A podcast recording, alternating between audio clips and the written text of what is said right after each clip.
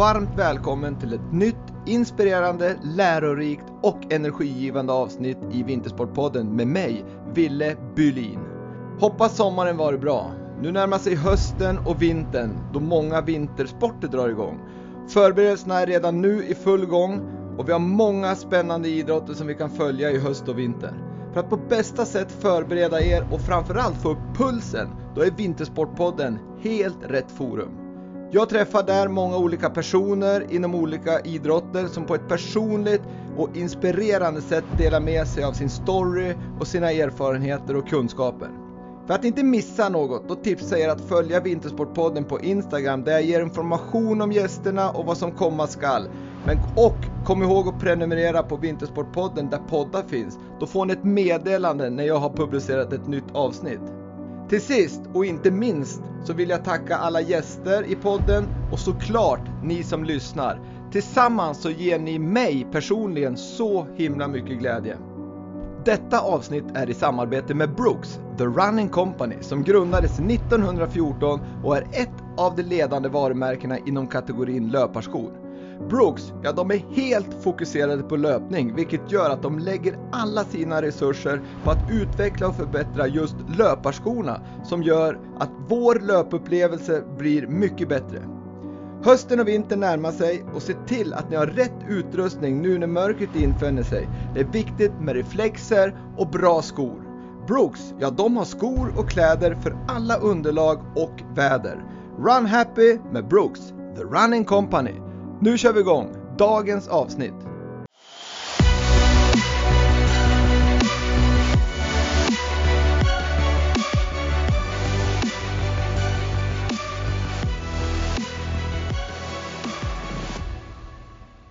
Dagens gäst i Vintersportpodden, före detta ishockeystjärnan och backgiganten som efter karriären intresserar sig inom mental coaching. Varmt välkommen till Vintersportpodden, Daniel Tjärnqvist. Tackar. Hur står det till Daniel? Ja men det känns jättebra. Jag sitter ute i eh, Tällberg i ett eh, fint eh, kvällssol här. Ja det låter ju som en perfekt miljö att, att spela in Vintersportpodden i. Även om det är sommar så, så är det i alla fall på väg mot höst och vinter. Absolut. Eh, hur, hur, eh, hur leker livet med dig? Jag vet att du precis i augusti här har flyttat från Lidingö upp till just eh, Leksand med, med en liten mellanlandning i Tällberg. Men, men tanken är att du ska bo i Leksand i framtiden. Varför har du valt att göra det steget? Nej men eh, vi kände väl lite att eh, vi ville ha ett lite nytt äventyr. Jag, vi har ju bott i Stockholm ett bra tag nu. Eh, jag är ju från Norrland då, men, men uppifrån Umeå och Vännäs där. Eh, så vi kände väl att vi ville ha, komma till lite mindre orter eh, och mer natur. Va? Eh, mm. Där tempot kanske är lite, lite lägre och man kan hinna med att njuta lite mer. Det kan jag förstå faktiskt för att det är ju för det första är det väldigt vackert i Dalarna och, och Leksand och så sen är det ju som sagt var man får nog mer tid till ja, men till både familj och, och, det man håller på med när man, när man bor lite mer på landsbygden än när man bor i, i Stockholm. Ja men så är det. Det finns ju absolut mycket mer natur eh, här uppe. Eh, och, och, som du nämner också så är tempot, eh, tempot är mindre och man får mer tid över för varandra också. Då. Mm. Ja men det låter ju som ett bra och sunt val måste jag säga. Men eh, om vi ska gå in lite grann direkt på, på vad det här avsnittet ska handla om, det vill säga Daniel Tjärnqvist som är en före detta ishockeyspelare som jag sa. Vi ska prata om din karriär naturligtvis, din bakgrund och din uppväxt, men sen komma in på lite grann vad du håller på med idag också, det vill säga lite mental coaching och, och fysträneri och så vidare. Men eh, för att lyssnarna ska få en bakgrund kring Daniel Tjärnqvist. Du sa själv att du föddes uppe i Vännäs 1976. Hur var din uppväxt där med idrott, skola, kompisar och så vidare? Eh, ja men det, det, liknar faktiskt väldigt mycket det vi kommer till nu, till Leksand. Eh, Vännäs är väl eh, ja, 4000 invånare tror jag. Eh, man gick till allting eller cyklade eller tog sparken. Eh, om det var eh, fotboll eller hockey eller, eller skola sådär. Så att eh, väldigt mycket är faktiskt eh, likt här och, och eh, kände egentligen väldigt många. Det gör man ju. Man stöter på eh, nästan samma personer hela tiden när man bor i en lite mindre by. Så man, man eh, både på gott och ont. Så att det är, det är eh, en väldigt eh, trygg uppväxt skulle jag säga. Mm. Ja, det, det, måste man ju säga att det finns ju. Jag kommer själv från en mindre ort och, och det är ju alltid nästan så att det finns någon dörr öppen och, och besöka varje, varje dag oavsett om de är kompisar, vilken ålder det beror på. Det, det, spelar nästan ingen roll utan det finns alltid någon att gå till. Vilket är tryggt. Ja, men så, så är det absolut. Mm. Men du, vad höll du på med för idrotter när du var i, i liksom barn och ungdomsåren? Jag vet att du naturligtvis spelar hockey men du har också haft fotboll. Har du haft någonting mer? Eh, nej men jag, eh, så här var det att när vi var mindre tror jag som, som det var lite förr i tiden då provade man på väldigt mycket sporter. Så att hockey och fotboll har ju varit mina favoriter då, där jag spelade fotboll till jag var 15 eller 16. Eh, men sen så provade jag på. Jag åkte skidor, jag eh, sprang väldigt mycket och jag körde till och med någon, någon liten cyk, cykellopp också så där som dök upp. Så att jag provade lite allt möjligt. Okej, okay. ja, det, det, det, det är jag varm förespråkare för att man håller på med många olika saker. Dels för att man ska få testa och se vad man egentligen fastnar för. Men sen tror jag det är bra för motoriken att, att man gör olika, eller håller på med olika idrotter för att liksom få, få hela rörelsemönstret och i den här åldern när man är barn och ungdom så är det ju väldigt, väldigt viktigt att man ta vara på den tiden och, och utveckla sin rörelseapparat. Ja, men jag tycker man ser det på, på efter somrarna när man, när man tittar på barn som har eh, gjort, eh, eller i alla fall spelat fotboll på somrarna. De, de har en liten bättre rörelsemotorik. Eh, Sen så eh, håller jag skarpt med där att jag tror att en, en eh, bredare träning är en bättre träning eh, för att man, man använder fler, fler muskler och, och, fler rörelsemoment i det hela vilket man blir en, en bättre atlet av faktiskt. Mm, mm. Du kan bli en bra hockeyspelare men jag tycker att atleten har, har börjat försvinna och det tror jag är att man inriktar sig på en sport väldigt tidigt. Mm. Jag tänkte säga, jag tänkte följdfrågan till just det. Vad, vad tror du konsekvenserna blir av liksom ett för tid, en för tidig specialisering? För det är inte bara hockeyn, det är ju fler idrotter som har det problemet. Men, men vad tror du konsekvenserna blir av det? Eh, ja, jag, jag, jag, vet inte riktigt. Eh, vissa kanske tröttnar. Eh, andra kanske får fler skador när man inriktar sig eftersom man, man gör bara en sak egentligen. Mm. Eh, året runt. Eh, men det är väl de största egentligen att, att eh, antingen så tröttnar man för tidigt eller så, så åker man på de här skadorna då som, som, eh, som eh, ja, man kan få då för att mm. utnyttja bara vissa musk muskler och sådär. Mm. Men du, du har ju också sen då efter att du växte upp där i, i, i Vännäs så flyttade ju ni som ton, eller ja, ja, tidig tonåring, 15 kanske det var någonting, så tog du tog ni eh, pick och pack och drog till, till Helsingborg där, du, där hela familjen flyttade. Och vad, vad var anledningen till att ni flyttade dit? Var det för idrotten eller var det något annat?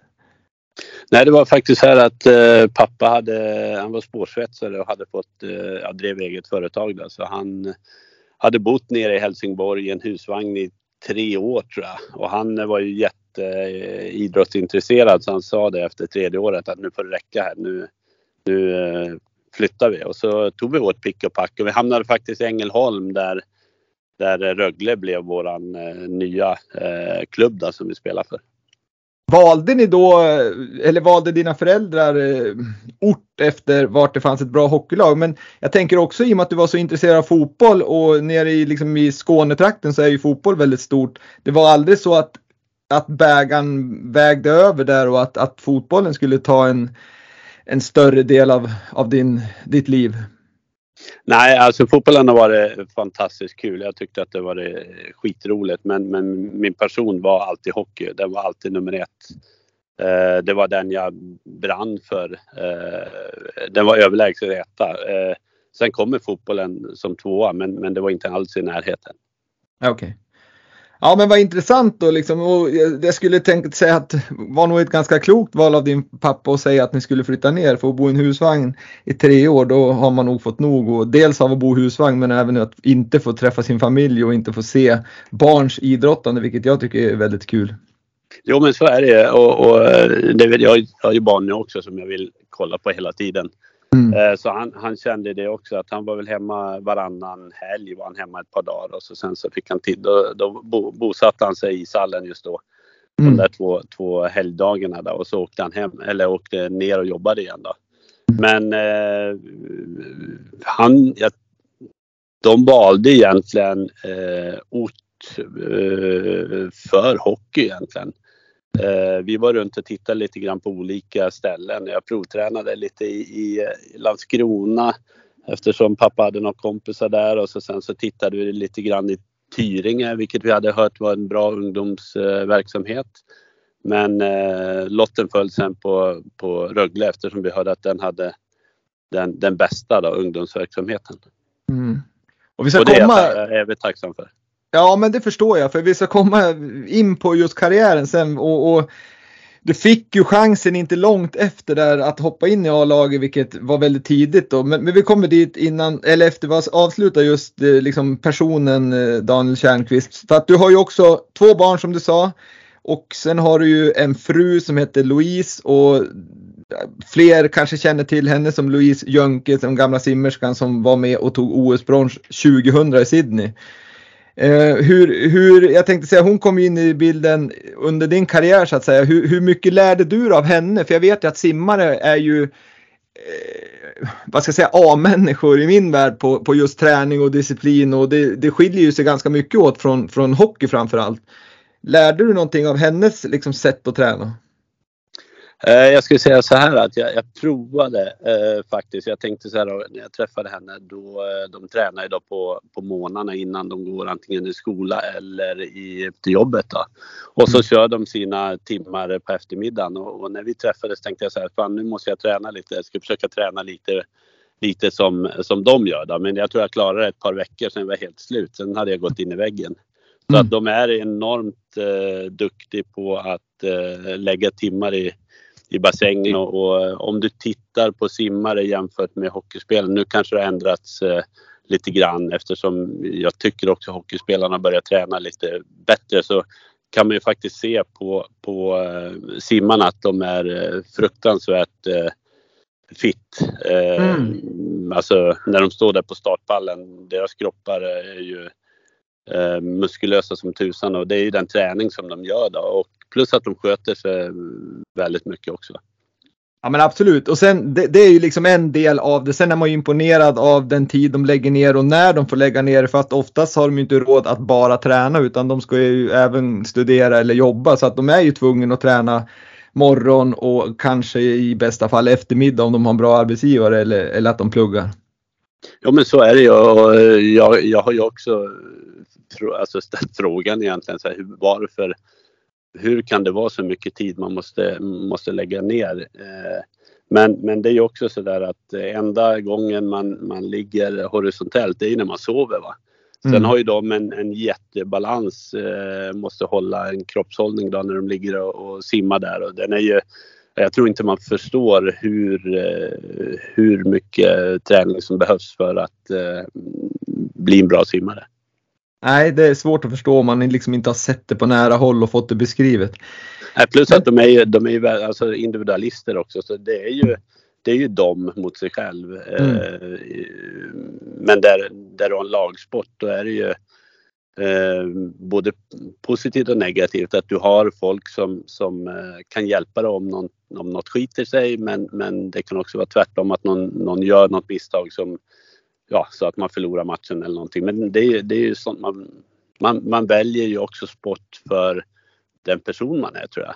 Antingen ja. är man lagspelare eller så är man, är man individualist. Även fast alla hockeyspelare också är individualister i sig. Va? Ja, det är ju det är en kombination där skulle jag tro. För kommer man så högt så är man ju någon form av individualist. Även om man gillar att, att ha den här liksom lagkänslan, omklädningsrum och, och dela glädje och dela förluster. Så så det, men det är nog mer balans där än, än, inom de absolut individuella idrotterna. Men, men då kommer jag liksom in på, på det du själv leder mig till. Vad tog du för roll i, i de lag du spelade i då? Uh, ja, jag tog nog, jag var ju assisterande uh, kapten i Djurgården vilket jag tror var min, uh, eller jag, jag var lite i bakvattnet tyckte jag försökte att och visa med min spelstil hur, eh, hur mycket jag brydde mig om, om uh, spelet och sådär. Mm. Uh, så att jag var inte den som skrek mest och tjoade och simmade utan jag försökte, som jag sa, alltid försöka visa mitt bästa ute på isen där varje dag. Mm. Ja men det är ju, och det är ju precis som i, på ett jobb eller vart som helst så, så det bästa liksom teamet det är ju när det finns olikheter. Att de, vissa är ju de mer, vad ska jag säga, omklädningsrumsspelare som är väldigt, väldigt viktiga i omklädningsrummet och kanske liksom bidrar mer där än kanske ute på isen och de är också jätteviktiga för att få ihop det här pusslet liksom de som dig då kanske som håller en lugnare profil men levererar mer på plan. Ja men om du, om du tittar på alla lag som, som går långt eller som har framgång så är det Eh, som jag sa, väldigt många individualister eh, fast alla håller sig till sin roll och gör en, en de har en väldigt viktig påverkan på laget då, eh, mm. där, där man bidrar med, med eh, ja, sin sak. Då.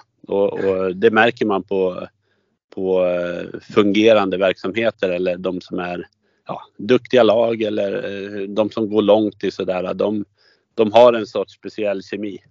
Mm.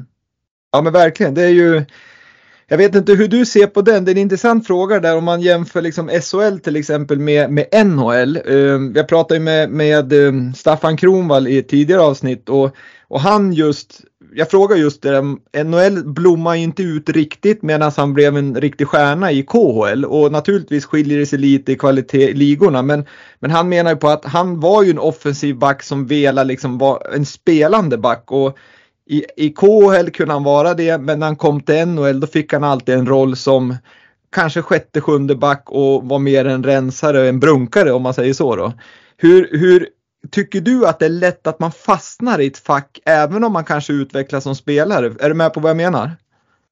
Ja, men det kan man nog göra. Jag eh, ser väl min karriär i NHL lite som att jag var för dålig defensivt och för dålig offensivt för att på en sån specifik roll. Och i, i NHL framförallt är det ju så att eh, är du duktig på eh, en viss sak så då, då, då klarar du väldigt långt. Eh, för att ta ett exempel då, som om jag hade varit jätteduktig offensivt så hade jag kunnat spela med en, en grymt bra defensiv kille som, som gjorde skitjobbet så att säga. Mm. Eh, men jag, jag, eh, nu efteråt eh, så kanske jag tyckte det om min karriär själv där borta att jag var varken för bra offensivt eller för bra defensivt. Då. Så att jag hamnade någonstans, någonstans där mittemellan vilket jag tror SHL gjorde sig väldigt bra mm. på så sätt, även KHL. Va? Men jag menar, du, du, kan ju, du tog ju ändå stora roller i NHL, för jag menar du hade ju jättemycket speltid i de lag du spelade oftast. Jo, men jag hade, eh, jo, eh, det stämmer faktiskt. Eh, men jag tror att hade jag eh, stannat kvar mycket längre så hade eh, jag varit tvungen att, att eh, hitta någonting som gjorde att jag blev bättre av någon av dem två. Mm. Eh, det tror jag hade förlängt min karriär. Nu mm. spelade, fick jag väldigt, eh, jag fick eh, sex år och jag fick eh, spela väldigt mycket i, i, i framförallt i Atlanta då. Där vi var ett ganska ungt lag. Där fick jag spela jättemycket. Men i de andra lagen, de andra matcherna fick jag även där spela ganska mycket. Men jag tror inte jag hade den här kontinuiteten i spelet heller som mm. gjorde att jag eh, ja, utvecklades mer eller fick en, en, en, större roll så att säga. Ja, det är, det är spännande. Man, man, man kan... Sen är det ju alltid lätt efteråt att reflektera på vad man har gjort rätt och vad man har gjort fel och vad man skulle kunna ha blivit bättre. Är det någonting du saknar under liksom karriären att du skulle kunna fått mer hjälp med, med just utvecklingsbiten? Att, att att du skulle kunna liksom ha tidigare fått liksom till det att du måste ta det ena eller andra för att du ska bli riktigt framgångsrik här i, i NHL till exempel? Ja, men eh, jag tror om jag hade fått välja så hade jag gärna velat haft en eh, mentor eller en, en eh, jag skulle behövt gå den personliga utvecklingen jag har gått efter karriären. Den hade jag behövt göra tidigare mm. för att få en lite större förståelse till eh, ja, mig själv tror jag. Men, men, men det där tycker jag är ganska vanligt hos många att, att många duktiga idrottare som har den reflektionen att man kanske säger att fasiken att jag inte fick den här insikten när jag höll på eller varför fick jag inte den här hjälpen? Jag skulle vilja haft en mentor eller en mental rådgivare eller vad det nu är. Det, det, det är ju konstigt ändå tycker jag liksom att, att, att det ändå är så pass många som reflekterar så för, för tar vi den mentala biten så, så det har ju blivit utveckling men det är fortfarande ett område som det är inte sådär jättelätt att och få den hjälp som, som kanske behövs och det är inte lätt att prata om det. Det är lättare att prata om en stukad tå än, än att man har problem med, med psyket. Ja, men jag tror så här att jag tror att var sak har sin tid lite grann. Att eh, man är inte Eh, jag vet inte om jag hade, jag pratade ganska tidigt med lite mentala coacher och sådär men är man inte redo för det så är man inte redo. Då är man inte mottaglig vilket gör att man inte kan få den hjälpen som man kanske skulle vilja ha. Sen är det ju så här nu efteråt. Eh, jag, jag, jag säger aldrig att jag ångrar eller eh, vad heter det, jag hade behövt. Utan jag, så här efteråt kan jag se det. Men, men det är ingenting som jag kan inte säga att hade jag haft det, eh, jag skulle vilja haft det då, för jag tror inte jag var redo för det. det är, Nej, så kan så det vara. Kan, så där kan man inte säga, då, då skulle man ju kunna göra om hela livet. Men jag tror inte, att, jag tror, jag tror inte riktigt det funkar så, utan jag tror att man eh, i sinom tid när man, när man är redo, då eh, får man upp de här sakerna. Eh, då lär man sig dem. Och vissa läser tidigt och andra läser efter karriären. Nej, men då har du rätt i, i, i vad du säger. För jag, för jag menar man, man, man, inom det mentala i alla fall, då måste man vara mottaglig för att man måste vara motiverad att, att göra en förändring. Men, men det jag lite menade är ju att man liksom, man skulle kunna få kanske mer stöd eller, eller i alla fall att man kunde få möjligheten till det, det, det, kan jag känna att det skulle kunna bli bättre faktiskt. Att, sen, sen är det upp till var och en om man vill och kan ta den hjälp man får.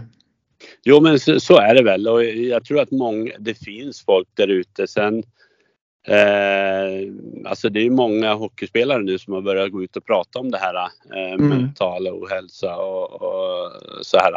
Vilket är ja, men Jonathan Hedström med mera. Eh, som gör Ashoka var väl ute och Ja, men fantastiskt jobb för att, eh, för att just eh, eh, få lite spotlight på det här att, att det är en, en, en tuff, eh, ja, ett, tuff bransch höll jag på att säga, men så är det ju överallt. Men just det här att, att det sätts eh, höga press och det är ja, många gånger i, kanske också i en, en manlig sport där man egentligen inte pratar om att man känner sig eh, man känner som man känner om jag säger så. Då.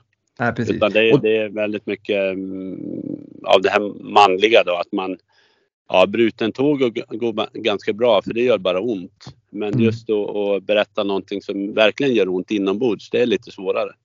Ja men så är det och, och, det som jag tycker de gör bra, Erik Granqvist bland annat och Jonathan Hedström, det är också att de pratar inte bara om kanske det mentala problemen man har med sig själv utan det är även liksom kulturen och attityden runt hockeyn som du säger lite att det är hård kultur och det händer saker i omklädningsrum och det är kickoffer och bla bla bla. Det, det, är väl också sådana saker som, som kan bli bättre för att det ska bli liksom en trevligare miljö att vistas i för, för de som växer upp med hockeyn.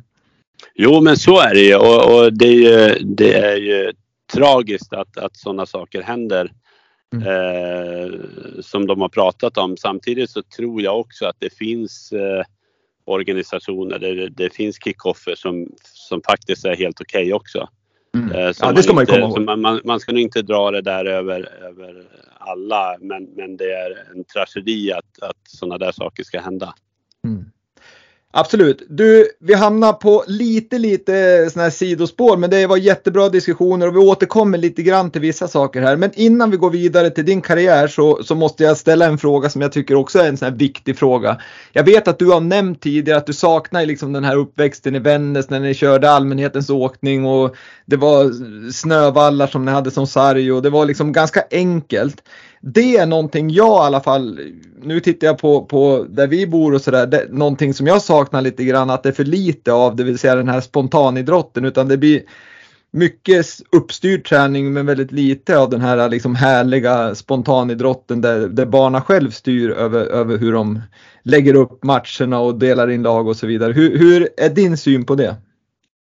Nej, men jag håller med. Jag, jag tycker att eh, vi har gått mot en sämre tid där eh, eh, de upp, får inte uppleva det vi upplevde eh, förut. Där, som du berättade, att man, man samlades och så körde man. Och det var lite, jag vet, jag vet att när vi, när vi körde, då var det väldigt mycket, eh, vad heter det, ja men direkt efter skolan va. Så mm. då kunde vi gå till eh, den uppspolade grusplanen där och sen så fick eh, mamma hämta oss på kvällen när det var, var middag och sådär. Jag, jag, jag, tror faktiskt att man, eh, eller många utvecklas mycket bättre av det än att ha en uppstyrd träning. Eh, jag hade faktiskt en, en jag var ju ungdomstränare eh, ett par år och jag hade faktiskt en tanke om att man gör ena av de där träningarna till en liten all, allmänhetens åkning där, där barnen fick egentligen bestämma själva vad de ville göra. Ja. Eh, men den slog aldrig riktigt igenom. Jag eh, var lite för feg där. Jag, jag eh, ja, det finns ju så få träningstimmar nu också. Nu för tiden. Alla saknar is och alla, alla vill ha mer is men, men det finns inte. Och, och speciellt i Stockholm tror jag är, är, är väldigt, väldigt tuff. Där man kämpar väldigt mycket om, om istiderna. Då. Men, men, det är då jag kan tycka liksom att, att, för det upplevde inte jag när jag var liten att det var så brist på istider direkt, men ändå höll man på med, med den här spontanidrotten. Så att nu tycker man ju att är det brist på istider, ja då borde det vara ännu mer spontanidrott. Men det är där någonstans, det har ju hänt någonting och att jag tror att att barnen uppfostras idag med att det ska vara så väldigt uppstyrt och det måste vara liksom ledarledda träningar av, av superduktiga tränare och det ska vara jätteduktiga och bra träningar och det är väl någonstans där jag tror att, att vi går fel lite grann. Jo men det, det är ju eh, det är ju så att när eh, ja, redan ganska tidigt så vill man ju eh, jättegärna Eh, få mycket istid till, till eh, grabbarna för att de ska hänga med i utvecklingen och så här. Och då är det ju istider eh, och det är tränare som ska vara där och det är ja, uppstyrt. Då. då ska man ju åka och göra vissa saker som tränarna, tränarna säger att man ska göra. Samtidigt så är ju egentligen den bästa utvecklingen där man egentligen bara spelar, slänger ut en puck och spelar och och man försöker göra det på träningen så mycket som möjligt och, och spela med men det blir inte exakt likadant tycker jag eh, med den tiden man hade förut. Eh, att kunna bara egentligen gå ut och, och spela. Sen är det väl, har det väl alltid varit skillnad kanske från norr, norra delen av Sverige än i södra delen. Apropå mm. istider och årstider ja. och sådär. Säkert. För, sen är det ju svårt, precis som du säger, slänger man ut en puck och så spelar man så vet ju oftast barnen själv lite grann vad det går ut på. Att det ena laget gör mål där och det andra gör mål där och så vet de vilken som har vunnit. Men hur, hur, hur, hur ser du på det? Du som är en duktig för detta hockeyspelare som, som även liksom har kört ungdomsträneriet, alltså som ideell ledare för ungdomar. Det är ju jag ser att man gör ju massa övningar på, på isen med ungarna och, och, det är frågan om, ibland så känner jag att undrar om tränarna själv vet varför gör vi den här övningen? För att de har nog bara sett, många gånger har de sett en perm att vi ska köra, åka så, passa så, men det är kanske ingen som riktigt vet varför. Och där någonstans kan det också vara svårt för ungarna att liksom få den här motivationen och, och, kanske utvecklas. Vad fan åker vi här för runt, runt och passar dit och dit? Men varför gör vi det? Hur, hur tycker du där och, och hur skulle du vilja liksom att, att man drev träningarna om, om du tycker som, som jag? Nej men jag, jag eh, hur ska jag formulera det här då? Det här är väldigt spännande för att jag tror att det har vänt lite grann till att man kör träningar efter hur man vill spela så att säga. Där man egentligen eh, kör en övning som är matchlik mer nu för tiden än vad man gjorde för jag vet inte vad jag ska säga, 50-20 år sedan kanske. Där det var väldigt mycket så här eh, ja, man ska åka vissa, vissa bågar. Men samtidigt så har vi ju nu för tiden eh, väldigt mycket skills eh, träningar. Mm. Där man egentligen ber barnen åka runt ett däck eh, med ett, med ett syfte tror jag. Mm. Men jag vet inte om man förklarar det för barnen på ett sätt när man gör en frånvändning att det blir att du ska om man lägger ut ett däck till exempel, att när du gör en frånvändning att det, det, är en spelare du försöker åka, gör en frånvändning ifrån, inte bara ett däck som, som man ska se skön ut när man åker runt. Så att jag, jag, jag tycker eh, många gör ett fantastiskt jobb med eh, just den här eh, skills eh, och lägger ner tid och kraft och, och är duktig på sådana saker.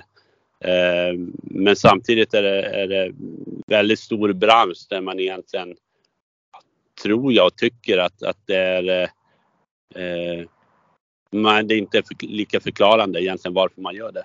Nej. Uh, Nej, och det är svårt. Men, det, men alltså... det, det, är bara, det är bara en, en, en tanke som jag har. Sen, ja. Jag har aldrig kört några skills själv. Jag har aldrig varit på någon sån där eh, gått ett läger egentligen. Jag vet knappt hur man eh, dribblade med, med en lös nederhand så att säga på klubban. Det, det, det har jag det har gått mig förbi. Eh, jag, jag hade min, min eh, nederhand ganska fast när jag dribblade. Så att, mm. Eh, ja, men det där, det där är en utveckling på det också. Det, det kommer säkert att och falla tillbaks lite grann till en, en, en, ut, en bredare utveckling så att säga av, mm. av de, de övningarna man gör, absolut.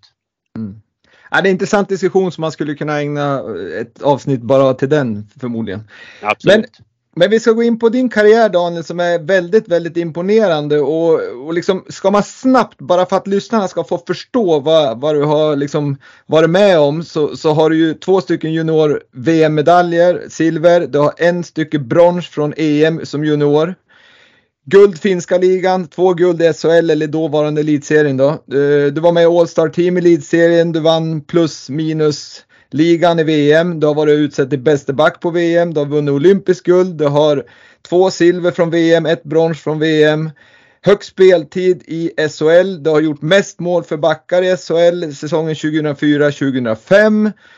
Och så sen har du ju naturligtvis då till det så har du 90, 94 A-landskamper. Du har ja, tusen matcher säger jag på den allra högsta nivån varav de flesta i SHL och NHL. Så att lyssnarna, här pratar vi med en, eh, eller en stjärna, en hockeystjärna som har en imponerande karriär. Vad säger du själv? Ja, men det var, det var kul att höra. Eh, det är inte så att jag sitter och tänker på vad jag har gjort egentligen, men, men man blir ju glad av att höra att, att eh, ja, att det har, att man har kunnat haft sån, sån rolig karriär. För det är ju faktiskt någonting som jag uppskattar uppskattar än idag när jag, när jag tittar på hockeyn att det är ju faktiskt en absolut, eh, tycker jag, va? nu kanske jag är färgad, men, men den bästa, bästa och roligaste sporten. Och, eh, så det, jag, jag är jätte, jätteärad att få ha varit med på, på ja, det, en sån här sport. Ja, det förstår jag och så mycket som, som man får vara med om när man är elitidrottare, det är ju få förunnat att, att få ja, men dels vara med om att vinna så mycket och besöka olika platser och träffa så otroligt mycket härliga människor, både ledare och medspelare och motspelare och så vidare. Det är ju ja, det är ett fantastiskt minne för livet, det förstår jag verkligen. Men vi, vi pratade tidigare om att du var från Vännäs, du flyttade ner eh, till eh, Ängelholm för att då börja i Rögle. Och ja. redan där som 16-åring, om jag inte är helt fel påläst, då fick du ju göra A-lagsdebut i Rögle och Elitserien hur, hur liksom hur gick tankarna då? För då var det ju ändå ganska nära. Det var ju bara ett eller två, två säsonger efter som du hade flyttat från Vännäs då och så helt plötsligt är du i elitserien. Och får spela med Kari Eloranta. Ja men det var det jag skulle säga. När man får spela med en sån mästare vet du, då, då löser det sig eh, nästan. Nej men så här var det. När jag, eh, eh när jag var i Vännäs så var jag bland toppspelarna där. Kom till Rögle kom, var egentligen en medelspelare där. vilket var egentligen blev ett litet slag men också en jävla sporre för mig att eh, kämpa vidare och försöka komma upp till, till toppen då av de, mm. i, den, i den årskullen jag kom till. Eh, så det gjorde mig eh, både lite, vad heter det, skärrad men även då fick jag lite jävlar anamma också att bevisa för mig själv att, att eh, jag skulle komma till toppen då. Så att sen gick det jättesnabbt. Jag var inte med i TV-pucken. För det var TV-pucksåret som vi flyttade då. Så att, mm. och det tror jag var ganska bra för mig för att det blev mycket, en mycket lugnare resa Eh, där jag såg eh, när jag kom då till Rögle att många där var alltså jättestressade. Eller det var en, en, en eh, jättestressad både av, av det mentala men också av, av den träningstiden som, och resorna som de gjorde under det året. Va? Mm. Så att jag var lite lyckligt lottad där för att, att inte vara med i den. För jag kunde sakta men säkert ja, följa min utveckling eh, och, och, eh, ingen stress egentligen utan jobba vidare där i, i, i lugn och ro. Sen så var det, jag måste faktiskt korrigera det. Jag tror att jag spelade en träningsmatch eh, med Karelorante när jag var 16 år. Ah. Eh, det var, jag, jag, tror att det är så. Nu är min minne väldigt dåligt men jag tror att det var så. Men hur som så var det ju i alla fall elitserielag då om jag säger så. Absolut och sen när jag kom upp och, och sen då spelade, då fick jag ju spela med Kari Eloranta vilken är en, en mästare utan dess like måste jag säga. Mm. Eh, det var en fröjd att få spela med honom eh, och jag, jag kommer ihåg att jag var så sjukt nervös när jag skulle börja spela eh, en match. Och jag var så här, okej, okay, när vill du ha pucken? Ska jag spela det hela tiden? Och, det, var, det var min tanke. Så, om jag lägger över till till Kari så får han sköta, sköta spelet. Och så eh, pratade vi vid och så kommer jag ihåg eh, så här, då, då, säger han till mig så här, okej. Okay, när du har pucken, då bestämmer du vad du ska göra. Det är inte så att du behöver spela mig hela tiden. Att när, när du har pucken, då är det ditt beslut vad du gör med pucken. Mm. Och det för mig var ju så här, wow. Alltså eh, en sån här väldigt trygg eh, trygghetskänsla i det. Att han var där, han, han gjordes alltid spelbar men det var inte så att jag behövde spela honom utan jag kunde spela någon annan. Vilken nu var upp, eh, öppen sådär. Så att för mig var det en, en fruktansvärd trygghet. Eh, inte bara ha han som på min sida utan även ha, få höra det. Mm. Att eh, du klarar det var ungefär så att du klarar det här själv. Du behöver inte mig till att till att spela utan det här, det här löser du själv på, på det bästa sättet av din förmåga. Så det kommer jag ihåg som, som igår att det var helt eh, vilken, vilken känsla och det är det jag menar. Han, jag är evigt tacksam för också för att jag fick spela med honom de första åren. Det förstår jag och, och, och få den här liksom ändå tryggheten och kanske om man skulle kalla det lite mentor i, i en bra människa. Det, det visar sig nu kanske man reflekterar på det att det har betytt väldigt, väldigt mycket för din karriär, utvecklingen redan då och så sen att det gick så bra sedan. Jo, men jag tror eh, det är ju många spelare och ledare och så här eh, som har gjort att, att karriären har, har gått dit den har gått. Då. Eh, men framförallt eh, den proffsigheten och den eh, ja, he, hela hans eh, sätt att vara egentligen. Förberedelser, eh, eh, ja, olika situationer ute på isen och, och nej, det var, det var enormt, enormt, en enorm trygghet. Det förstår jag. Men sen så gjorde du ett val där och du drog och körde, tänkte jag säga, du åkte till Finland till Jokerit och spela. Vilket gick bra, ni blev finska mästare men ändå så valde du då att, att gå vidare och, och flytta till, åter till, eller åter, tillbaks till elitserien och Djurgården. Men vad var anledningen för det första att du flyttade till Finland och varför drog du därifrån när det ändå verkade gå ganska bra? Ja men så här var det att vi åkte ju faktiskt ur elitserien med Rögle eh, det året. Eh, och då eh, sökte jag väl, eh, jag hade eh, några klubbar i, i Sverige som var intresserade men jag var inte riktigt intresserad av att av att gå dit på något vis. Så då, då, då eh, fick jag en förfrågan av Jokerit och det var Kurre Lundmark som var tränare där. Ja, just det. Eh, och vi hade ett, ett fantastiskt lag. Alltså det var, ja, det var grymt. Eh, sen så ska jag säga att jag åkte på köttelfeber den sommaren. Så att jag kom över otränad eh, och egentligen eh, klenare än klenast tror jag när, när säsongen satte igång. Så att eh, jag hade en jättebra dialog med, med Kurre Lundmark att börja lite lugnt och sen efter ett tag när, när eh, orken inte, ja jag hängde inte riktigt med där så då gick vi mer in på att jag började styrketräna lite mer. Eh, ja, höll igång på det sättet så att jag kunde bygga upp mig igen. Bygga upp den, den sommarträningen som, som jag hade saknat då.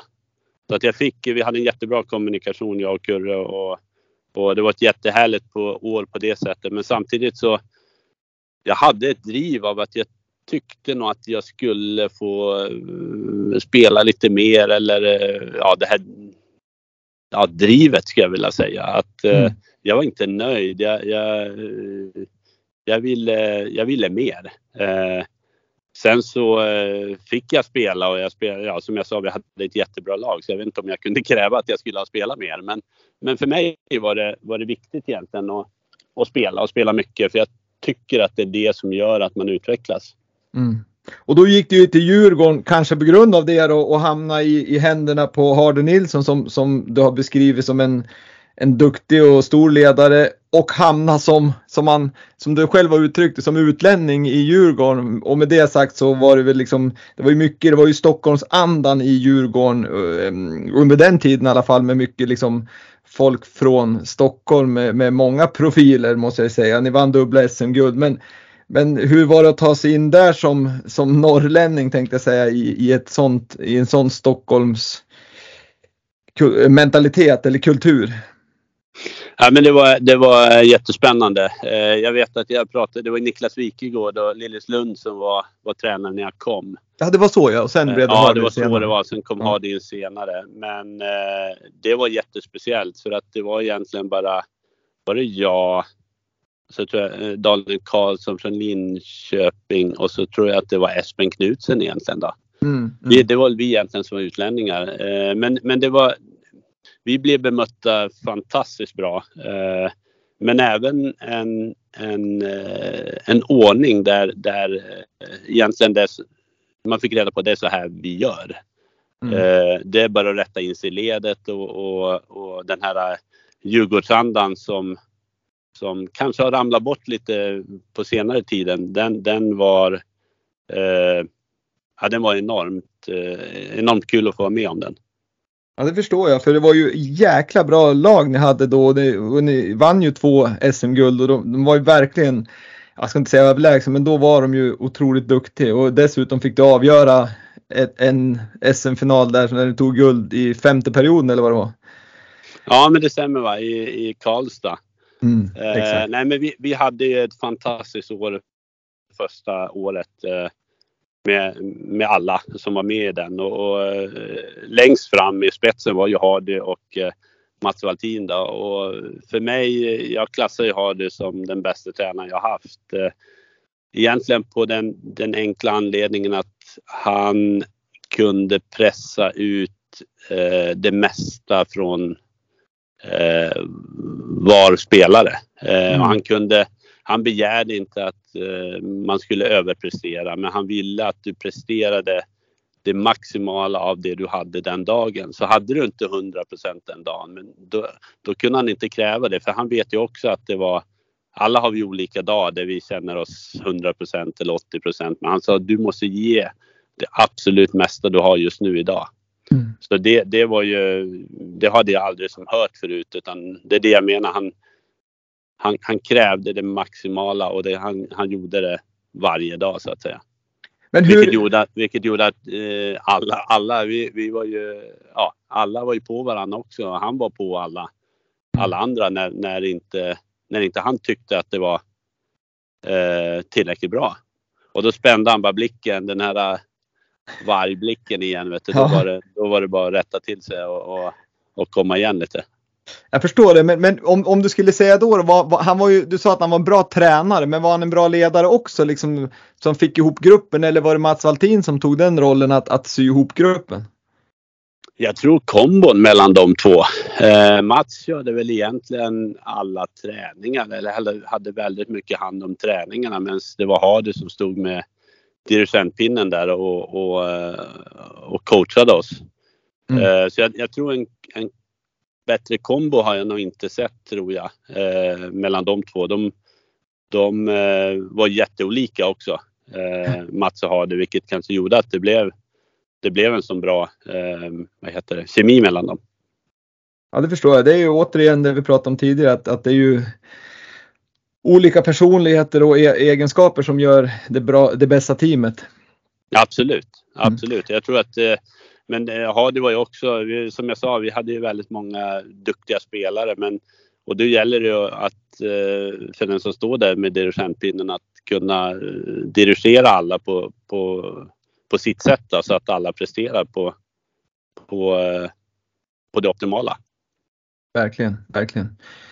Efter Djurgården där då, då drog det över till NHL och Atlanta och sen blev det några klubbar där bland annat Atlanta, Edmonton och så sen gjorde du någon utflykt till KHL och elitserien och så var du tillbaks till Colorado igen och så sen avslutade i Tyskland. Men, men NHL-sessionen då? Du var inne lite grann på att det var för dåligt defensivt och för dåligt offensivt så det blev lite så här mellanmjölk. Men hur, hur upplevde du NHL-tiden om du skulle liksom sammanfatta den på, på något vis? Ja, men den absolut bästa tror jag, eh, måste man nog säga. Tycker du den eh, ligan är, har varit roligast i din karriär? Ja, det är absolut. Absolut. Ja. Eh, det är ju Eh, det är svårt att förklara egentligen för att eh, det är en sån, eh, vad ska man säga, optimerad liga där, där det är, där matcherna, alltså så här är det, där, där, där kraven höjs hela tiden och spelet går snabbare.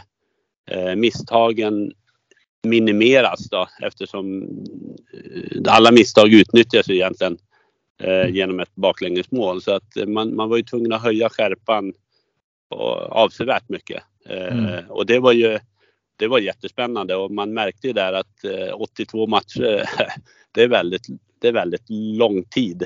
Och jag, mm. jag beundrar ju de som, eh, de här världsspelarna som är eh, i toppen och år efter år presterar eh, sitt maximalt. Då. Jag kände väl att jag kanske inte riktigt var där under hela säsongerna eller jag orkade kanske inte riktigt eh, hela säsongerna. Utan, men jag, jag, jag, gjorde så gott jag kunde. Va? Ja men absolut. Ehm, och, och, du gjorde det bra. Du spel, hade ju jättemycket speltid ofta. Jag menar det låg många gånger över liksom 20-25 minuter vilket är ganska mycket ändå även om man är back som brukar ligga högt så är ju 20-25 minuter väldigt mycket speltid. Ja, jag hade en, min första tränare Kurt Fraser. Mm. Eh, han var i Atlanta när jag kom och eh, han var väldigt förstående för att allting var väldigt nytt eh, och hockeyn var annorlunda. Så han, han kom fram till mig eh, flera gånger och han sa det, fortsätt med det du gör. Du är här för att för det du har presterat hemma. Så det är så du ska spela även här. Och jag tror, och det... fan, jag tror, jag tror det tog till kanske 30 andra omgången innan jag kände så här, okej, okay, ja men nu kanske jag börjar förstå lite vad det handlar om. Och innan dess så kan jag inte säga att jag presterade väldigt bra, men han tillät mig att utvecklas i, i, i min takt. Då. Och, eh, och det glädjer mig att höra det för annars brukar man ju höra att det är så jäkla hårt liksom att det bara kom till NHL, sköt dig själv, levererar du inte dag ett så åker du liksom hem igen. Det, det, ja, är härligt kan, att höra. Så kan det vara. Så mm. kan det vara men, men om du träffar rätt och, och, och har eh, beroende på olika tränare, jag har haft bra och dåliga där borta. Eh, så hade det varit en annan tränare så hade jag kanske fått Eh, en match kanske och sen hade varit borta. Men han var väldigt eh, Uh, ja, väldigt härlig just det här att uh, fortsätt som, som du gör, jobba på för det är, vi har tagit hit dig för den, den du är. Va? Mm. Men, men eh, sen vet jag att du har sagt att Edmonton är den absolut bästa klubben och bästa stället du har varit på och, och det kanske är på grund av att vad jag förstår så har, har, är det någon, där, någon kompis du hittar där som är gudfader till någon av ditt, dina barn? Ja men precis, de, jag har, eh, de är gudföräldrar till båda, båda grabbarna. Men vad, vad, är det som gjorde Edmonton så bra om man, om man tänker bortse från Gud, fader och vänner och sånt där. Men var staden fin? Var, var liksom klubben väldigt bra organiserad? Ja, men jag tror så här, jag har ju varit tillbaka i Edmonton och man får ju en liten annan inblick. Det är ju en väldigt liten, liten stad jämfört med de andra jag har varit i. Mm. Eh, jag trivdes jättebra i Minnesota också eh, för att eh, klimatet var egentligen ja, som hemma egentligen här i Sverige. Va? Mm. Men Edmonton var väl just då för oss eh, det, det, bästa eftersom de har ju sån hockeykultur där också. Mm. Så att ja. hela, hela, hela, den energin som fanns i den staden med, med eh, ja, den hockeykulturen var ju, ja det, det, det är därför jag klassar den som nummer ett. Va? Även mm. fast eh, de andra städerna var bra också. Jag förstår det. Jag förstår. Äh, roligt och, och väldigt kul också att du har koppling kvar där med, med gudföräldrar och så vidare. Det måste ju kännas väldigt kul. Ja, vi har varit över där några gånger och eh, de har varit här så att vi, vi håller kontakten och sådär. Så att vi, det är väl snart dags för oss att, att åka över snart igen tror jag. Yes, vad kul. Men sen då var det ju KHL en sväng där och, och bland annat så var det Lokomotiv Jaroslav eh, som även en tidigare gäst var, var väldigt länge och dessutom var han kapten där i fem år, Staffan Kronvall. Men där var ju du också och du lämnade ju där 2011.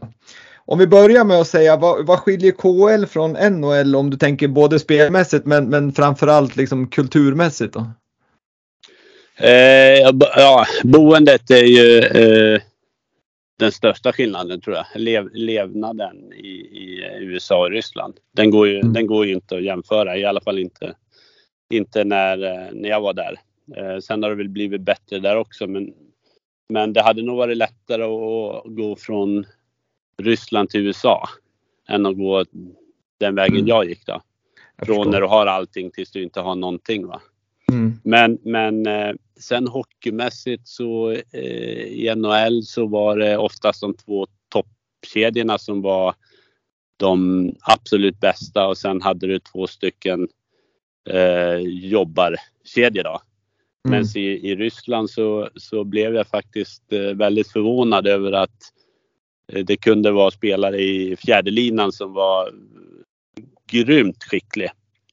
Och man blev bortgjord i början flera gånger för att jag var inte riktigt med på, på det spelsättet som, som, de, som de körde där borta. Och de utmanade mycket mer egentligen än vad man gör i USA eh, eftersom de är formade mer så. Mm. Eh, att det, det bara utmanar överallt på banan. Eh, så att det, var, det lärde jag mig jättemycket av också vilket jag tyckte var jättekul där borta i Ryssland. Ja det förstår jag. Men, men om, hur, jag vet inte hur jag ska uttrycka mig här men du hade ju ändå Ja, du måste säga ändå väldigt tur och, och, att du lämnade Lokomotiv Jaroslav inför säsongen 2011. För, för den säsongen 2011 i september så var ju den här stora olyckan med, med eh, bland annat vår duktiga målvakt Stefan Liv som, som hände där hela laget omkom i en flygolycka. Hur, hur liksom, det måste ju ändå påverka och, och få tankarna på vad, vad, vad jag hade också kunnat vara kvar. Hur, hur liksom hur påverkar dig det där och då? Jag förstår att man kan reflektera nu, men där och då, då var det ändå upp i karriären och du hade kunnat vara med, men du måste skaka om det lite grann. Ja, absolut. Eh, ett, ett, ett tragiskt ögonblick. Eh, och det, jag kommer aldrig glömma det samtalet jag fick eller när jag var och hämtade grabbarna på dagis och hörde att det hade varit en olycka med eh, Jaroslav. Den, eh, det samtalet var inget, inget roligt och jag tror till och med att jag stängde av mobilen direkt efteråt. Och rörde egentligen inte den förrän på kvällen tror jag eller någonting sånt där. För det var, det var, det var en sån chock eh, för mig att jag, jag, jag, kunde, jag klarade inte av det. Och det förstår jag, det är två delar i det. Dels är det ju gamla lagkamrater, det, det är eh, hockeyspelare i sin allmänhet, det är familjer som blir drabbade, men sen måste ju även tankarna komma, komma kring just det här att jag hade också kunnat vara där om jag inte hade bytt klubb. Ja men absolut, så är det ju. Och vi, eh, vi hade ju diskuterat om att, att det var sista året som vi var där, men, men det är ju lätt att säga så här efteråt. Eh, eh, att, vi, att det var det som gjorde att vi, vi åkte hem. Va? Mm. Eh, sen absolut, vi skulle tankarna och det var ju jag satt ju och tittade faktiskt. Eh, jag hade jättebra kontakt med en tjej som jobbar på eh, som tog hand om oss på, på klubben då, som jobbar mm. på kansliet där. och jag bad att få komma då till den här högtiden de hade i ishallen. Mm. Men eftersom det visum och sådär, hon bara i princip grät och sa det går inte. Jag kan inte, det går inte för dig att, att komma hit för att för jag ville komma dit. Jag, jag, det kändes som att jag var, var tvungen att åka dit. Mm. Men, men det gick inte då. Men då bestämde vi i alla fall att eh, 30 dagar efter eh, då har det, jag, jag, vet inte, jag kan inte alla turer men en sån här eh, kristen ortodox eh, sed så, så är, det, är det 30 dagar efteråt så är det någon sorts högtid. Så då bestämde vi oss att, att jag och min fru, då åkte vi över eh, då istället. Mm. Eh, och var med och hedrade de omkomna. Då. Och det var genom att plantera lite träd på en, en, en idrottsanläggning. Eh, sen så var vi om och tittade på kyrkan eh, där de hade ställt upp eh, jag, kom, jag kommer knappt ihåg. Det, det, det, blir lite... Det blir lite... Ja, jag, jag, kan inte exakt säga men, men kyrkogård med... Jag kan inte säga om det var kistor eller någonting med bilder av, av mm. de omkomna. Eh, och så sen så fick... Eh, jag blev... Jag, jag vet inte hur man säger. Jag blev jätteomhändertagen när jag kom dit. Eh, jag var, fick många förvånande blickar också lite grann eh, av ja, men spelarfruar eller mammor till barnen eller någonting som hade sett mig året innan. Mm.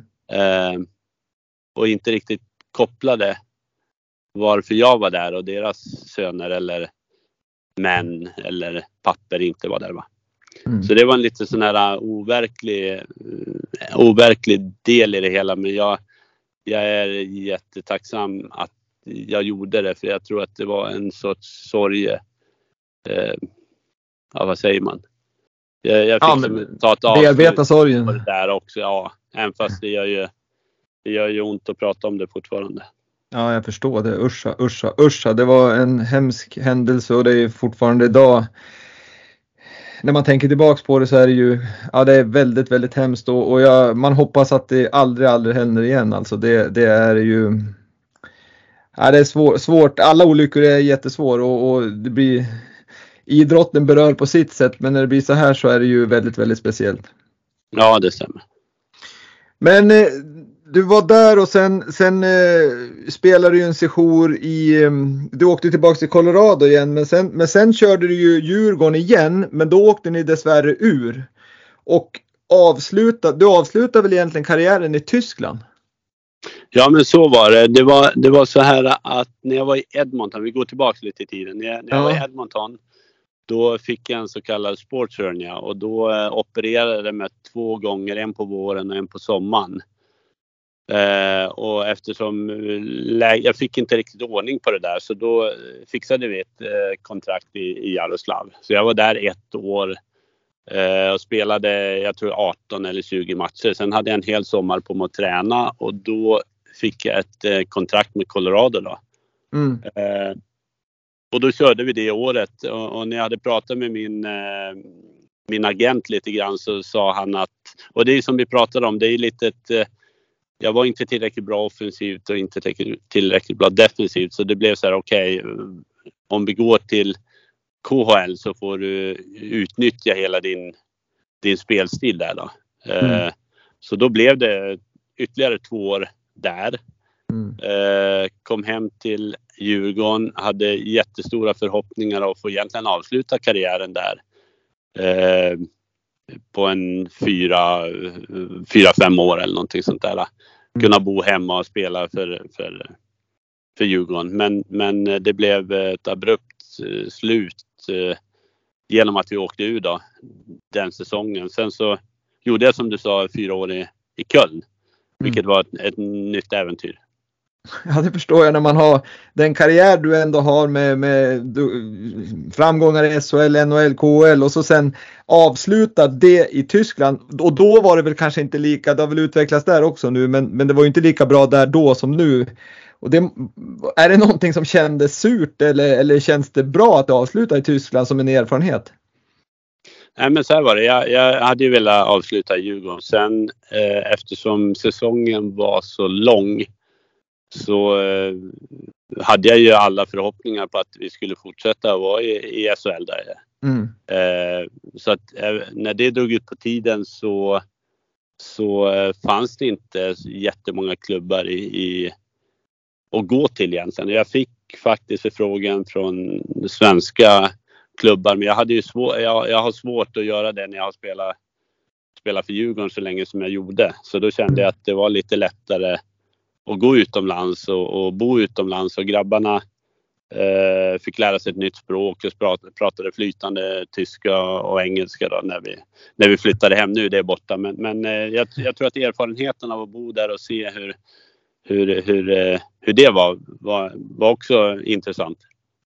Ja, men jag, förstår, jag förstår ju det att, eh, att det är ju en, i sig en, en resa och, och för familjen kunde vara med och så vidare så att det är klart att alla bra saker är ju bra liksom, erfarenhet och, och någonting som ni kommer ihåg i livet förmodligen. Ja, men jag, jag tror det. Och, och, eh, nu den här eh, flytten som jag gjort till Leksand, det, det, känns som egentligen bara en ytterligare flytt. Vi, vi är nog inte så här att vi måste vara på ett visst ställe utan, utan vi, eh, vi har flyttat så många gånger så att vi kan, vi söker lite äventyr och nu, nu är det det här äventyret som, som som är på tapeten då. Så att jag, mm. jag, tror att det var inte så stor omställning för oss att flytta egentligen dit till, till, eh, till Tyskland. Då. Men, men det är ju som alltid, det är erfarenheter och, och, och ja, det är det som tar en långt. Va? Verkligen. Vi ska, vi ska ta ett block innan vi liksom ska avsluta. Det, det, är så mycket intressanta ämnen som, som vi har pratat om och, och, som jag sa tidigare så kan man bara prata om ett av de här blocken skulle kunna vara ett avsnitt. Men, men nu jobbar inte riktigt jag så utan nu kör vi alla block här med dig Daniel. Yes. Men, men efter karriären så har ju du liksom gått in på fysträneriet en del och mental och intresserar mycket för mental träning. Eh, om vi börjar med fysträningen, kan ta den lite kort så, så pratade vi här innan avsnittet började om, om eh, att du hade ett härligt uppdrag tillsammans med Columbus och Josef eh, Boumedienne. Ja, eh, Josef tog in mig som eh, eh, fystränare då, i, i Europa och eh, jag var över och, och på training campen och lärde mig jättemycket från eh, Nelson och Jett som eh, var fystränare där då. då. Mm. Eh, och så hade jag lite uppdrag eh, när jag var hemma i Sverige då att eh, åka. Eh, jag var ett par svängar till Finland och eh, skrev lite program till en, en kille som kanske inte riktigt tyckte att han hade fått den träningen eller som han behövde. Va? Så jag mm. var där och, och så det var jättekul, eh, jättespännande. två år där innan coronan avbröt det mesta. Eh, så det lärde jag mig jättemycket av. Sen, sen så har jag hållit på med träning. Jag, jag pluggade lite grann innan jag, jag avslutade karriären. Då, så jag gjorde lite utbildningar då, på, på styrketräning. Men, men vi, vi pratade om det här lite tidigare i, i, avsnittet, just det här kring din fru som var individuell idrottare, du har kört lag och så vidare. Men om du skulle säga liksom någon sak som, som lagidrotterna skulle kunna lära sig från individuella idrotter, vad skulle det vara då? Oj, oj, oj, nu satte du mig på pottkanten här. eh, jag vet, jag kommer inte riktigt på någonting just nu kanske. Men, men om vi skulle säga så här då. Skulle, tror du att, det här kan du säga bara vad du tror, men tror du att liksom fysutvecklingen skulle vara bra för till exempel en hockeyspelare eller en skidåkare om man tränar mer ihop olika grenar, alltså att alpint, hockey, längd, simmare tränar mer ihop för att liksom se varandras träning och på så vis liksom hitta nya rörelsemönster, kanske som du sa tidigare minska skadorna och, och kanske få mer motivation också, vilket skulle leda till att man blev i slutändan en bättre atlet? Um, nej, in, den svarar jag nog nej på. Uh, för att uh, om du tittar på de som jag har haft uh, kontakt med i Sverige då, alltså som är tränare, Rickard Nilsson och Leffe Larsson här. Så att ja. de kör ju egentligen exakt likadant med vem det nu är som är. De bygger ju en atlet, det är det de gör. Mm. Eh, så, att, så att de blir så starka som möjligt. Sen, sen kan man ju inte likna sporten i sig. De, det finns lite övningar som man, man kan, eh, hur ska man säga, eh, som är liknande men, men mm. samtidigt så inom träningen då. Men, men samtidigt är det, är det eh, jag skulle säga nästan eh, samma, alltså det, det de har kört, Rickard Nilsson och Leif Larsson, det, det har jag tyckt är, är eh, den optimala träningen eh, eh, som bygger det mesta. Och, och, då, då har egentligen du svarat på min liksom egentligen fråga kring, kring din filosofi på fysträning. För känner jag Leffe Larsson rätt och Rickard Nilsson rätt, så, rätt så, så, är ju de ganska liksom de gillar ju äh, men basträning och, och liksom inte så krånglig liksom, fysträning utan de är back to basic ganska mycket de två om, om, jag, liksom, om jag inte är helt ute och cyklar. Och, och det på något vis, det finns ju mycket som moderna grejer nu också som, som folk hittar på och man ser på hela internet är fyllt av, av massa saker som, som man kan hoppa på. Men, men är din filosofi det här liksom grunderna som, som kanske jag, jag i alla fall känner Leffe Larsson som? Ja absolut. Eh, först måste du bygga en, en, en, en kapacitet, eh, kondition och sådär och så sen blir det mer basstyrka. Eh, sen finns det väldigt många bra övningar som man kan eh, ha, som jag också har fått, fått reda på. Och, mm, men, men det är ju det är ju individuellt det där också lite grann vilka av de övningar man ska använda. Mm. Men basen kommer alltid att vara basen för träning. Mm. Mm. Eh, sen om det passar alla eller eh, vilket som ingenting gör egentligen för alla är olika. Så är det ju faktiskt eh, eh du, måste, du måste träna för den, den personen du är och för den, det, det syftet du vill ha med träningen. Mm. Ja, det är bra, härligt att höra. Vi går vidare till ett annat intresse du har och det är inom det mentala då, som, som, ehm, som är en jätteviktig del för att ja, men kunna få ut sin fysiologi på, på till 100 procent egentligen om man tittar på det är där många har problem om jag ska säga så. Man kan vara en jäkla atlet och man kan, man kan vara hur duktig som helst men man får inte ut det riktigt i, i match match eller tävlingssammanhang på grund av att man får ha problem med, med, med mentala biten. Hur, ehm, hur, hur, hur kom det sig att du började med mental träning och har du utbildat dig till mental coach på något vis? Ja, jag, jag säger alltså det är ingen mental coach utan eh, det är mer som en mentor. Va? Eh, mm. Jag tyckte väl kanske inte det var så jävla roligt efter att jag hade lagt av hade, och har svårt att hitta, hitta på saker att göra. Eh, men också just det här att eh, livet egentligen bara, jag, jag brukar eh, likna det med hjärtslag om man ser på en monitor. Va?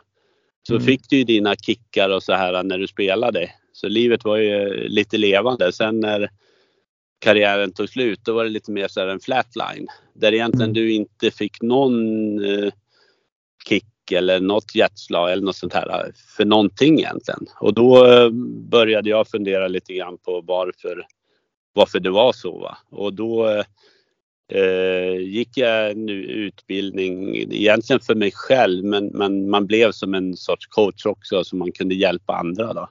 Mm. Eh, så att eh, där tror jag jag, ja det är en klyscha men där lär man jag fick en större förståelse till varför eh, saker var på ett visst sätt egentligen. Hur lärde känna mig lite bättre själv och, och eh, men framförallt få en lite större förståelse för varför jag hade vissa tankar eller vissa, eh, varför jag gjorde saker på ett visst sätt eller sådär. Vilket var jättespännande och jätte, eh, vad ska man säga, Nyttigt. eh, jobbigt. Ja, jobbigt då ja. ja. Ja, jobbigt. Fruktansvärt jobbigt. Jag vet när jag kom dit första gången, jag ville bara åka hem.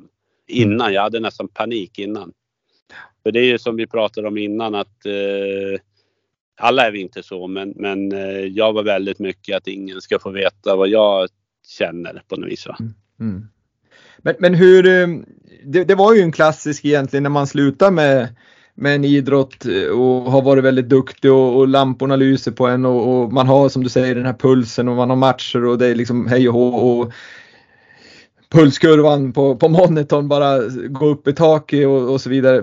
Och sen helt plötsligt så släcks det där. Det, det, är ju det som ofta blir den här liksom att man, man, man tappar den här liksom meningsfullheten med vad, vad, vad händer nu liksom? Vem, vem, vem, är jag nu? Är det ingen som tycker om mig längre? Var det den ja. känslan du fick? Eller? Ja, men jag, jag hade, jag tyckte, jag älskade hockeyn, jag älskar den fortfarande. Mm. Eh, men, men när hockeyn var över då, då åkte jag bara hem och så var jag med, ville jag vara mig själv. Mm. Sen så vet jag ju att det var jättesvårt att koppla av och sådär från matcher eller hur det där levde. Så det blev ju som en det, när man säger att man går dit och kör av och på-knapp, det var inte riktigt jag utan jag hade min på eh, hela tiden vilket tror jag gjorde också att när, den, när det väl tog slut så, så försvann lite av den här livsgnistan i alla fall till någonting som man hade när man någonting som var jäkligt roligt att göra och där man mm. fick eh, leva ut och, och, ja, leva så att säga. Och det, det gjorde jag på banan, även fast det var jobbiga och, och, och, glada tider. Men det var någonting som hände i alla fall där ute. Sen när det tar slut, då blir det ju som jag sa lite mer så här flatline. Mm. Ingenting händer. Det är varken lördag eller måndag varje dag. Så att det, det eh, det gjorde till slut att, att eh, jag började titta på det lite grann. Eh, det gjorde du rätt i för det, det förändrar säkert ja, men ditt liv och att du har liksom att du är där du är nu kanske var på grund av att du tog tag i det. Ja men det tror jag. Eh, sen har jag börjat coacha folk i just det här också. Mm. Eh, hjälpa ja, Är det bara idrottare? Ja, just nu har jag, jag har jobbat bara med idrottare nu ja. Och hur, eh. och hur tar du an de uppdragen? Är det folk du känner eller är det folk du känner känner eller kan man liksom kontakta dig på något vis om, om, om man vill ha din, din eh, tjänst? Ja, min hem, jag har, jag har, så här är jag också. Jag är väldigt seg så att jag, min hemsida har ju nu nästan varit klar i två år så att eh, den är på väg ut nu. Den, den kommer här och det kommer vara danieltjärnqvist.com eller? Ja precis, så det kommer vara danieltjärnqvist.com och där kommer jag att både ha styrketräning eh, men även personlig träning. Då. Personlig träning tycker jag är en liten favorit för att man ser skillnad på och hör skillnad på föräldrarna sen när, eh, när man pratar med dem. Då. Mm. Vilken, eh, vilket ja, hur, hur, de har, hur barnen har sett på det hela. Mm. Vilken känsla de har fått av det, att de har gjort det här arbetet. Och det, skillnaden egentligen eh, med det här arbetet, det är väl egentligen att eh, jag tycker idrottspsykologi är bra, men, men på ett sätt så saknar man den här eh, man jobbar väldigt mycket för stunden. Ja. Eh, man vill förändra någonting som eh, man tycker är dåligt eller eh, Eh, man vill ha positiva tankar eller sådär. Och, och jag säger inget, det är inget fel med det. Jag tycker de gör ett bra jobb. Det vi, eh, eller hur vi jobbar eller hur jag jobbar är väl lite mer med vad, vad det är för eh, känsla som det skapar. Mm. Och jobba därav för att, för att försöka och, och lösa den utmaningen de har. Och, och det, är låter... det, det, är egentligen ingenting man behöver lösa utan utan problemet är oftast att det man inte vill känna, det vill man inte tänka på eller det vill man inte röra egentligen. Mm. Utan det, det, och det är det man måste göra för att, för att kunna gå vidare egentligen. För att titta ja, egentligen på vad det är. Och, och, inte stoppa huvudet i sanden där. Det är väl lite det vi pratade om tidigare just med det mentala. Att det är lättare att göra det och stoppa huvudet i sanden vad det gäller det än en, en, en, stukad fot. Ja, men jag, jag, tror att många också vill ha så här, okej, okay, säg vad jag ska göra och så gör jag det. Och så gör jag det i, i en till tio gånger eller vad det nu är. Sen är det borta. Men det är, inte, det... Riktigt, det är inte riktigt så det funkar utan, utan livet eh, det, det, här är en, det här är en ständig jobb som man måste göra med sig själv. Det är ingenting som man egentligen eh, vad heter det, kan gå från, från tre, vad heter det, tre, köra tre timmar av det här och sen, sen kan man det. Utan livet, det händer ju väldigt mycket i livet eh, med, med olika utmaningar och, och eh, det är ju det, det, är det man måste, måste veta också när man går in i det här att det här är inget, det här är egentligen en quick fix utan det här är en, en, en, en sak som jag försöker hjälpa dem med så att de kan själv eh, så att de kan själv förstå vad de ska göra när de känner olika saker. Precis, det är ett livslångt lärande och, och ett livslångt eh, förändring av sig själv och, och egentligen det du kan bidra med är att hitta verktyg till, till dem som, som de kan använda i livets, livets lopp så att säga. Ja, det, det, är inte meningen att jag ska vara det hela tiden heller utan det är, det, det är därför jag sa det att jag, jag försöker att lära dem att eh, känna efter vid olika tillfällen och vara lite medveten i det hela varför saker händer och därav kunna hjälpa sig själv ur de här sakerna. Mm. Eh, vilket gör att det utvecklar dem och, och de runt omkring och sådär. Ja, spännande, mycket bra, bra eh, initiativ tycker jag för det är precis det här som jag efterlyser lite grann också att, att, att eh, vi jobbar med det och, och, att, att man erbjuder de här tjänsterna till barn och ungdomar och även äldre för att, för att jag tycker att det är en viktig del för att alla ska få, få ut det de har i, i sig själv och, och framförallt att man ska må bra i livet. Det är ju liksom en jätteviktigt. Vi har, vi har en chans och det ska man ta tillvara på och då ska man försöka må så bra som möjligt. Ja men livet är alldeles för kort eh, mm. så, att, så att det gäller att ta vara på det och det är ju det är inte, det är inte jättestor skillnad mellan eh, en atlet som jag coachar till en vanlig person utan, utan det är livet som vi, som vi berör i, ja. i ämnet när vi pratar om det. Exakt. Eh, och det är olika hos olika personer så att det beror, det beror lite på vad eh, klienten som kommer, vad, vad den tar upp så att säga. Mycket bra jobb Daniel och kom ihåg alla som lyssnar danieltjärnqvist.com hoppas du sidan är aktiv snart för då hoppas jag att många besöker den och, och använder dig som, som, eh, som mental mentor eller coach eller vad man nu ska kalla det. Ja men det här men du... kan vara en kickstart där jag måste, jag måste lägga ut den på den klar. Exakt, helt rätt. Mycket bra. Men nu har vi pratat länge och, och, det beror på att jag har tyckt att det är så intressant och som vanligt när jag tycker det är intressant då blir det ganska länge. Men, men när jag ändå har en sån här liksom duktig hockeyspelare, en fantastisk liksom människa tycker jag, verkar vara ödmjuk och proffsig på alla sätt och vis och dessutom då som jobbar som har jobbat ideell ledare för barn och ungdomar och är nu tränare för Leksands U16. Eh, då, då måste jag ändå liksom ställa den här frågan som jag tycker är ganska intressant och den är komplex och du, du får liksom säga att du inte har ett svar på den men den är komplex. Men kan du ge ett råd till spelare och ledare för en hållbar utveckling, liksom både vad det gäller skillsdelen, alltså vill säga att man blir en bättre hockeyspelare och dribblar och åka skridskor, men också att det blir liksom på något vis en utveckling som person. För någonstans så ska det vara hållbart. Du ska inte vara bäst när du är 15 år utan du ska ju vara bäst när du är 25 år kanske. För, förstår du min fråga? Någonstans, ja. Vi vill driva utveckling men någonstans måste det ju vara balansgång så att inte alla slutar när de är 15 för att de tyckte det blev för mycket och för tokigt. Och... Ja, jag, jag, jag hör den komplexa frågan. Jag, jag säger så här att eh, när det gäller ungdomar så tror jag att eh, man egentligen bara, och bara säger med en situationstecken runt omkring, va, är att eh, man ska finnas där som ett stöd. Mm. Eh, du behöver egentligen inte göra så mycket utan, utan det enda du behöver det är att vara ett stöd till, eh, till ditt barn eller dina barn. Sen hur, så att de alltid kan komma och prata. Och sen så har de den här gnistan till, till hockey, då har de den. Har de gnistan till dans eller vad det är, då har de, då har de det. Har de gnistan till någonting annat, det, det, det enda de behöver egentligen är stöd så att de, de kan våga ta den väg som de vill ta. Mm. Ja, bra svar tycker jag. Jag vet det, inte om jag ju... svarade på rätt men, men, det var det som kom upp.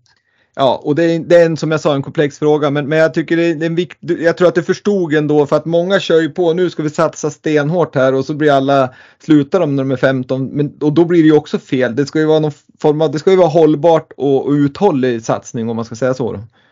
Ja absolut, sen, sen är det ju, sen får man inte glömma att det är inte många som tar sig hela vägen upp till toppen. Så att jag tror inte heller att man ska ha en, en, en, eh, en tanke om att alla ska spela till de är 38 som jag fick göra utan, utan det, är, det är vissa som går längre än andra. Sen så ska vi försöka ha en, en, en hållbar eh, och rolig tid tills de lägger av. Det är lite det som är som jag tycker jag, jag, brukar tänka så här när, när några föräldrar har frågat tidigare, liksom vart, vilket lag eller vilket gymnas, idrottsgymnasium ska man gå för att bli världsmästare? Ja, jag tror att det är väldigt få av de som håller på med idrott som blir världsmästare. Jag tror att man, man ska försöka tänka att man kommer bli världsmästare i livet och kan man ha den tanken ha, har man den synen och så sen har ungen i det här fallet en grym passion, då tror jag det leder, leder, kommer man långt ändå. Passion är ett jättebra ord för det är egentligen det som gör att folk väljer det de väljer.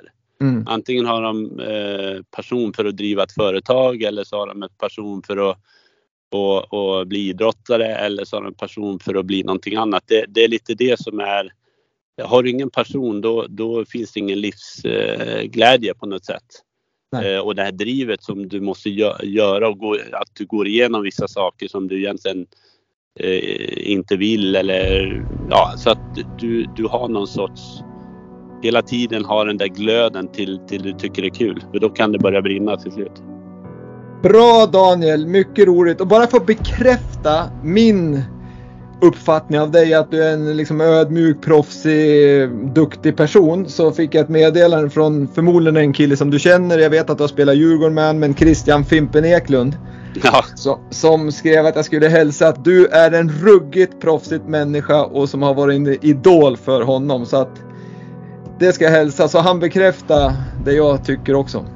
Ja men vad, vad snällt. Jag får skicka honom och tacka ett sms då. Ja, det är bra. Kanon. Men du, innan vi slutar podden som, ble, som har varit lång och jäkligt trevlig och givande för mig och jag hoppas att lyssnarna tycker lika. Så måste jag avsluta den här avsnittet precis som jag gör med alla avsnitt i Vintersportpodden. Och det är med en generell fråga som lyder så här. Kan du säga en framgångsfaktor för att lyckas med idrott? Eh, passion, vilja. Det är egentligen eh, vi tog upp det passion tidigare så att jag, mm. jag eh, person, vilja och ut, vad heter det, uthållighet. Det heter någonting mm. finare på engelska tror jag men eh, det tror jag, det är de tre orden. Och du är ju inte först att säga dem, men jag tror inte du kommer vara sist att säga de där orden heller. För, och det bekräftar ju att, att jag tro, börjar tro på, på de där orden faktiskt ganska starkt. Men med det sagt så önskar jag Ville Bulin dig Daniel Tjärnqvist, stort tack för att du var med i Vintersportpodden och så sen eh, önskar jag dig och familjen all lycka uppe i, i Leksand och så sen naturligtvis då att du kommer igång med danieltjärnqvist.com så att alla lyssnare och alla mm, som känner att de har behov av, av din hjälp tar kontakt med dig. Det, det hoppas jag verkligen att de gör. Så stort, stort lycka till Daniel och tack för att du var med i Vintersportpodden. Ja, men tack för att jag fick vara med. Toppen, ha det bra, hej! Tack, hej!